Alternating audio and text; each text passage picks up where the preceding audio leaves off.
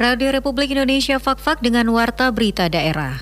Pelaksanaan kegiatannya nanti itu tentu nanti kan ada beberapa sistem yang muncul di situ. Katakan seperti ada tim kedokteran yang dipimpin oleh beberapa dokter dan juga medis untuk memantau mulai dari proses orang itu dilakukan pemeriksaan untuk memenuhi persyaratan atau tidak. Itu kan ada tahap itu. Sampai pelaksanaan kemudian dijaga selama 30 menit bahkan sampai 24 jam untuk memastikan bahwa yang bersangkutan itu aman khusus untuk masa pandemi COVID sekarang ini, yaitu kita mengacu pada SE nomor 1 tahun 2021 dari Satuan Tugas Satgas COVID-19, di mana pelaku perjalanan dalam negeri yaitu wajib untuk dilakukan atau ada hasil rapid test antibody maupun rapid test antigen.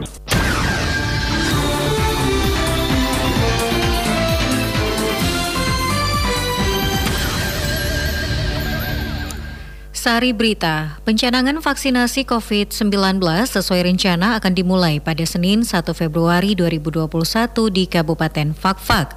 Pengawasan arus penumpang dan barang di Pelabuhan Fakfak pada masa pandemi COVID-19 saat ini terus diperketat guna memutus mata rantai penyebaran virus dimaksud. Itulah berita utama edisi hari ini, Jumat 29 Januari 2021 selengkapnya bersama saya, Rifanti.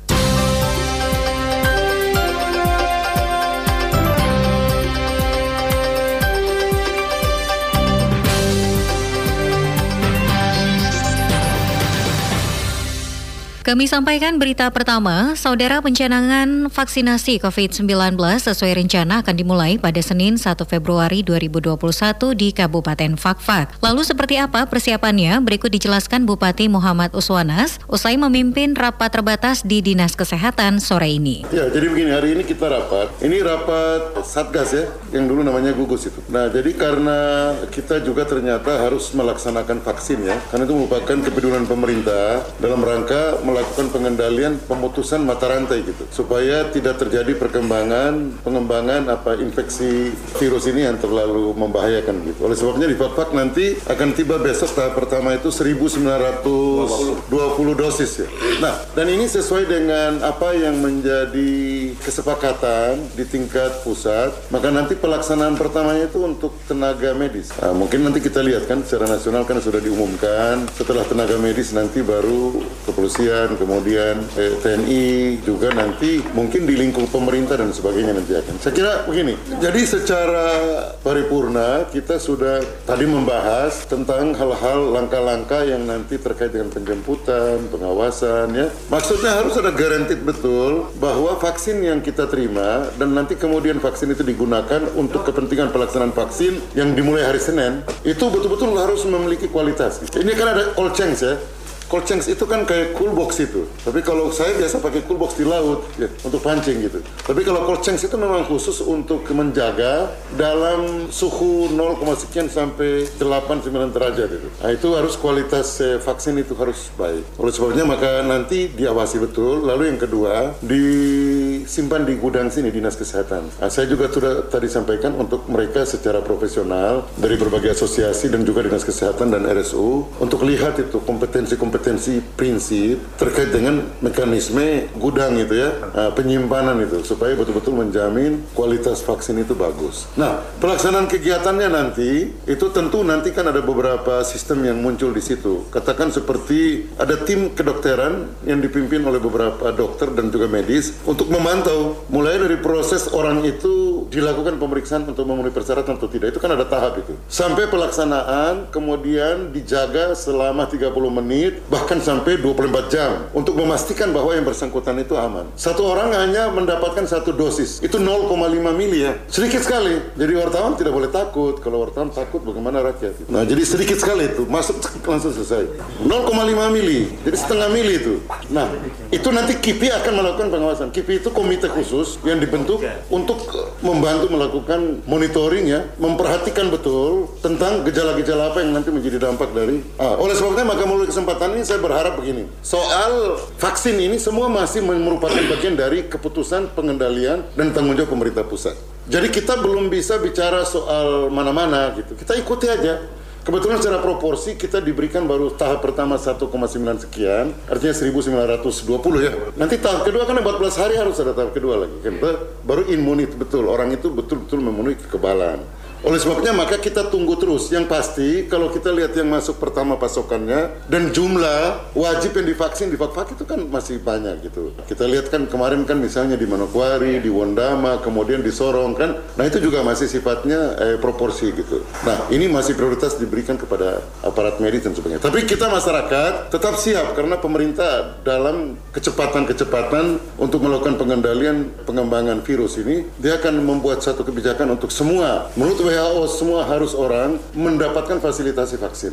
Nah, oleh sebab itu masyarakat melihatlah bahwa ini sesuatu yang tidak eh, perlu disangsikan, diragukan dan sebagainya. Dari segi aman aman, kemudian dari halal ya, ini halal, tidak ada soal gitu. Tidak usah khawatir gitu. Kita ikuti saja, mudah-mudahan kita bisa memperoleh 75% itu berarti nanti herd immunity. Artinya kalau jumlah masyarakat kita sudah 75% itu tervaksin, berarti yang lainnya sudah aman itu, tidak ada masalah. Tidak usah khawatir, biasa-biasa saja. Untuk bupati tidak ada masalah, sepanjang itu memenuhi persyaratan tidak ada soal. Ya, saya kira kita semua harus siap mendukung. Presiden, gubernur, para bupati, distrik, kepala kampung, semua harus siap. Ketentuannya harus kita penuhi. Artinya harus dilakukan pemeriksaan dan memenuhi persyaratan-persyaratan. Sepanjang memenuhi persyaratan tidak ada masalah, siap. Ini kan kita harus mendukung ini supaya mengendalikan gitu. Kita lihat sekarang prioritas pertama ini nakes ya, tenaga kesehatan. Kenapa? Supaya mereka kekebalan dulu. Kasihan berapa banyak dokter yang sudah meninggal, berapa aparatur ya, perawat dan sebagainya. Mereka kan harus punya kekebalan dulu. Oleh sebab itu maka pemerintah membuat kebijakan supaya mereka ini harus kena dulu. Indonesia 1,5 juta sekian. Hari ini baru terlaksana berapa? 350 sekian. Nah, termasuk besok kita lagi. Kemarin di UGM kan untuk nakers itu 3000 terdapat muri kan. Nah, jadi kita berharap di sini juga. Saya kira masyarakat tidak usah khawatir bahwa aparat medis kita dalam catatan saya itu ada 1060 sekian. Itu semua akan dilakukan. Besok mereka akan dilakukan. Kita akan bertahap kan. Dilakukan dengan catatan harus memenuhi persyaratan. Kalau yang tidak boleh baru dipaksakan ya tidak boleh. Itu kan ada risiko nanti. Tapi tidak berarti bahwa vaksin membahayakan. Cuma komorbid orang itu. Kalau ada jantung, kalau ada apa, ada apa, terus baru jangan tidak boleh. Makanya dilakukan pemantauan betul-betul. Nanti ada pertanyaan 16 yang disampaikan dan nanti ada dokter spesialis yang ikut memantau perkembangan. Saya kira tidak ada masalah ya. Dari saya kita sukseskan dan kita dukung Himbauan saya untuk semua Forkopinda, juga lembaga-lembaga pemerintah, baik vertikal, otonom, juga sampai di struktur pemerintahan bawahan dan aparat sipil negara, semua harus kita sukseskan pelaksanaan vaksin di Kabupaten Papua. Itu tidak ada cara lain. Cara itu yang bisa mengurangi tingkat perkembangan vaksin ke depan. Nah, kita harus yakin bahwa yang dibuat pemerintah dan dunia kemudian WHO itu sesuatu yang memang penting kok. Vaksin penting dan vaksin ini dua kali. Jadi nanti yang pertama sekarang, kemudian yang kedua nanti 14 hari kemudian. Setelah itu sudah ada sertifikasi. Bapak boleh berangkat di mana tidak perlu swab swab lagi. Selesai kan? Nah, wartawan saya minta kita dukung semua dan sosialisasikan ini. RRI ya, sosialisasikan semua. Kita harus sukseskan pelaksanaan vaksin di Fakfak. Pencanangan nanti hari Senin itu saya di Puskesmas Fakfak Tengah. Kalau di tempat-tempat lain bupati nanti ada wakil bupati di kota di kemudian sekda nanti di sekban, uh, bupatinya nanti di apa Fakfak Tengah. Kita bawa aja ke kampung.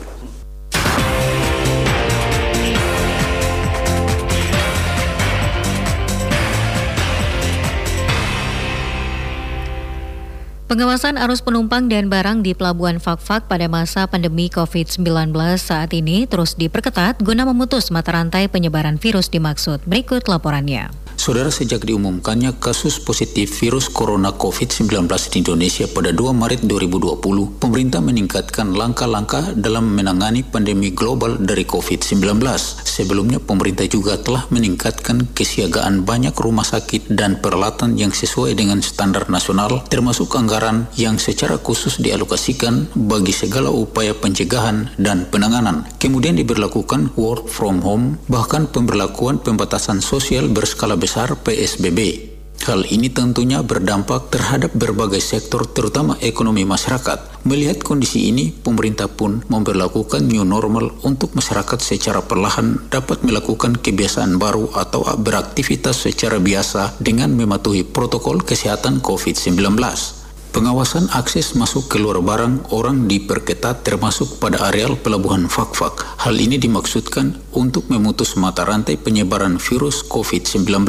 Komandan Pelaksana Pengamanan Pelabuhan Laut Fakfak Ibda Dodik Junaidi mengatakan di masa pandemi COVID-19 setiap pelaku perjalanan harus dapat menunjukkan surat rapid antibody maupun antigen terkait dengan pengawasan atau e, transportasi ini yaitu kami dari KP3 Laut yaitu selaku pengemban fungsi tata tertib dan keamanan di area pelabuhan laut bersama-sama dengan instansi stakeholder yang ada berdasarkan surat edaran dari Satgas Covid yang ada sehingga kita bersama-sama melakukan upaya untuk mencegah penyebaran dan penanganan Covid di Kabupaten Papua khususnya melalui jalur laut khusus untuk masa pandemi COVID sekarang ini yaitu kita mengacu pada SE nomor 1 tahun 2021 dari Satuan Tugas Satgas COVID-19 di mana pelaku perjalanan dalam negeri yaitu wajib untuk dilakukan atau ada hasil rapid test antibody maupun rapid test antigen sehingga dalam pengawasan dengan cara itulah penyebaran dan penularan COVID-19 itu bisa ditekan atau dihindari. Sementara pelaksana harian kantor Sah Bandar dan otoritas pelabuhan Fakfak Musa Tukloi mengatakan protokol kesehatan menjadi prioritas utama dalam melayani arus naik turunnya penumpang termasuk pengawasan bongkar muat. Bidang lalu lintas laut itu punya fungsi untuk mengawasi dan pengendalian segala keluar masuk kapal maupun pengawasan terhadap keluar masuk maupun bongkar muat barang dan penumpang di area pejabat pengawasan di pelabuhan Pak Pak itu ada beberapa macam ya, yaitu untuk pengendalian pengendalian arus bongkar muat kemudian arus turun naik penumpang. Jadi berkaitan dengan pandemi COVID ini, kita bekerja sama dengan instansi-instansi terkait yang ada di Kabupaten Praja terutama tim COVID, terutama untuk berikan pelayanan terhadap penumpang yang turun naik di pelabuhan Sabah. Itu selalu menganjurkan untuk kita tetap khusus penumpang yang kita tetap berpatokan pada 3M, yaitu menjaga jarak, menggunakan masker dan dan mencuci tangan. Dan ada satu tambahnya itu menjaga imunitas tubuh. Dengan berbagai kebijakan yang dilakukan pemerintah mulai dari pusat hingga daerah dengan maksud mencegah penyebaran virus corona COVID-19 dapat menyelamatkan bangsa. Lamarumu melaporkan. Warta berita daerah saat ini tengah disiarkan Radio Republik Indonesia Fak-Fak.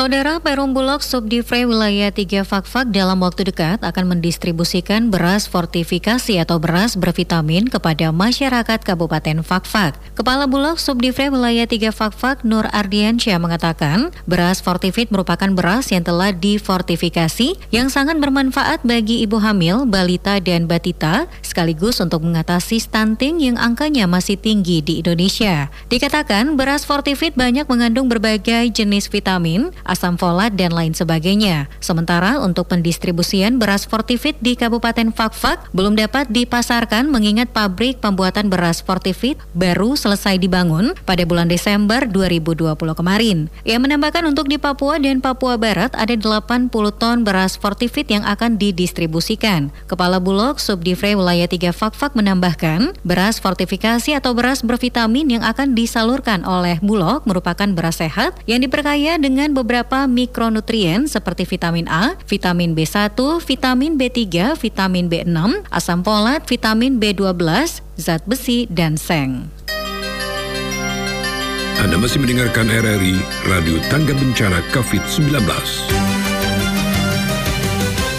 Keberadaan layanan kesehatan hewan di Kabupaten Fakfak diharapkan dapat membantu masyarakat yang mengalami masalah gangguan kesehatan bagi hewan peliharaan, unggas maupun hewan ternak. Kepala Bidang Peternakan dan Kesehatan Hewan pada Dinas Pertanian dan Ketahanan Pangan Kabupaten Fakfak, Rosita Laode Bali mengatakan, layanan kesehatan hewan pada Dinas Pertanian dan Ketahanan Pangan Kabupaten Fakfak memiliki berbagai jenis layanan dan pengobatan hewan, mulai dari pencegahan, observasi, pengobatan pengobatan, perawatan hingga pemulihan kesehatan hewan. Dikatakan layanan kesehatan hewan yang ada di Dinas Pertanian tersebut memiliki tiga orang dokter hewan dan tujuh hingga delapan orang para medis. Menurut Rosita, ada beberapa jenis hewan ternak maupun peliharaan yang hingga saat ini telah ditangani oleh layanan kesehatan hewan pada Dinas Pertanian dan Ketahanan Pangan Kabupaten Fakfak. Sementara untuk pelayanan kesehatan hewan, Masyarakat dapat membawa hewan peliharaannya ke dinas tersebut maupun dengan panggilan melalui layanan telepon. Selain itu, dengan adanya layanan kesehatan hewan di Kabupaten Fakfak, diharapkan dapat membantu permasalahan kesehatan hewan seperti kurang nafsu makan atau gangguan penyakit lainnya. Sekian Warta Berita Daerah Produksi Radio Republik Indonesia Fakfak.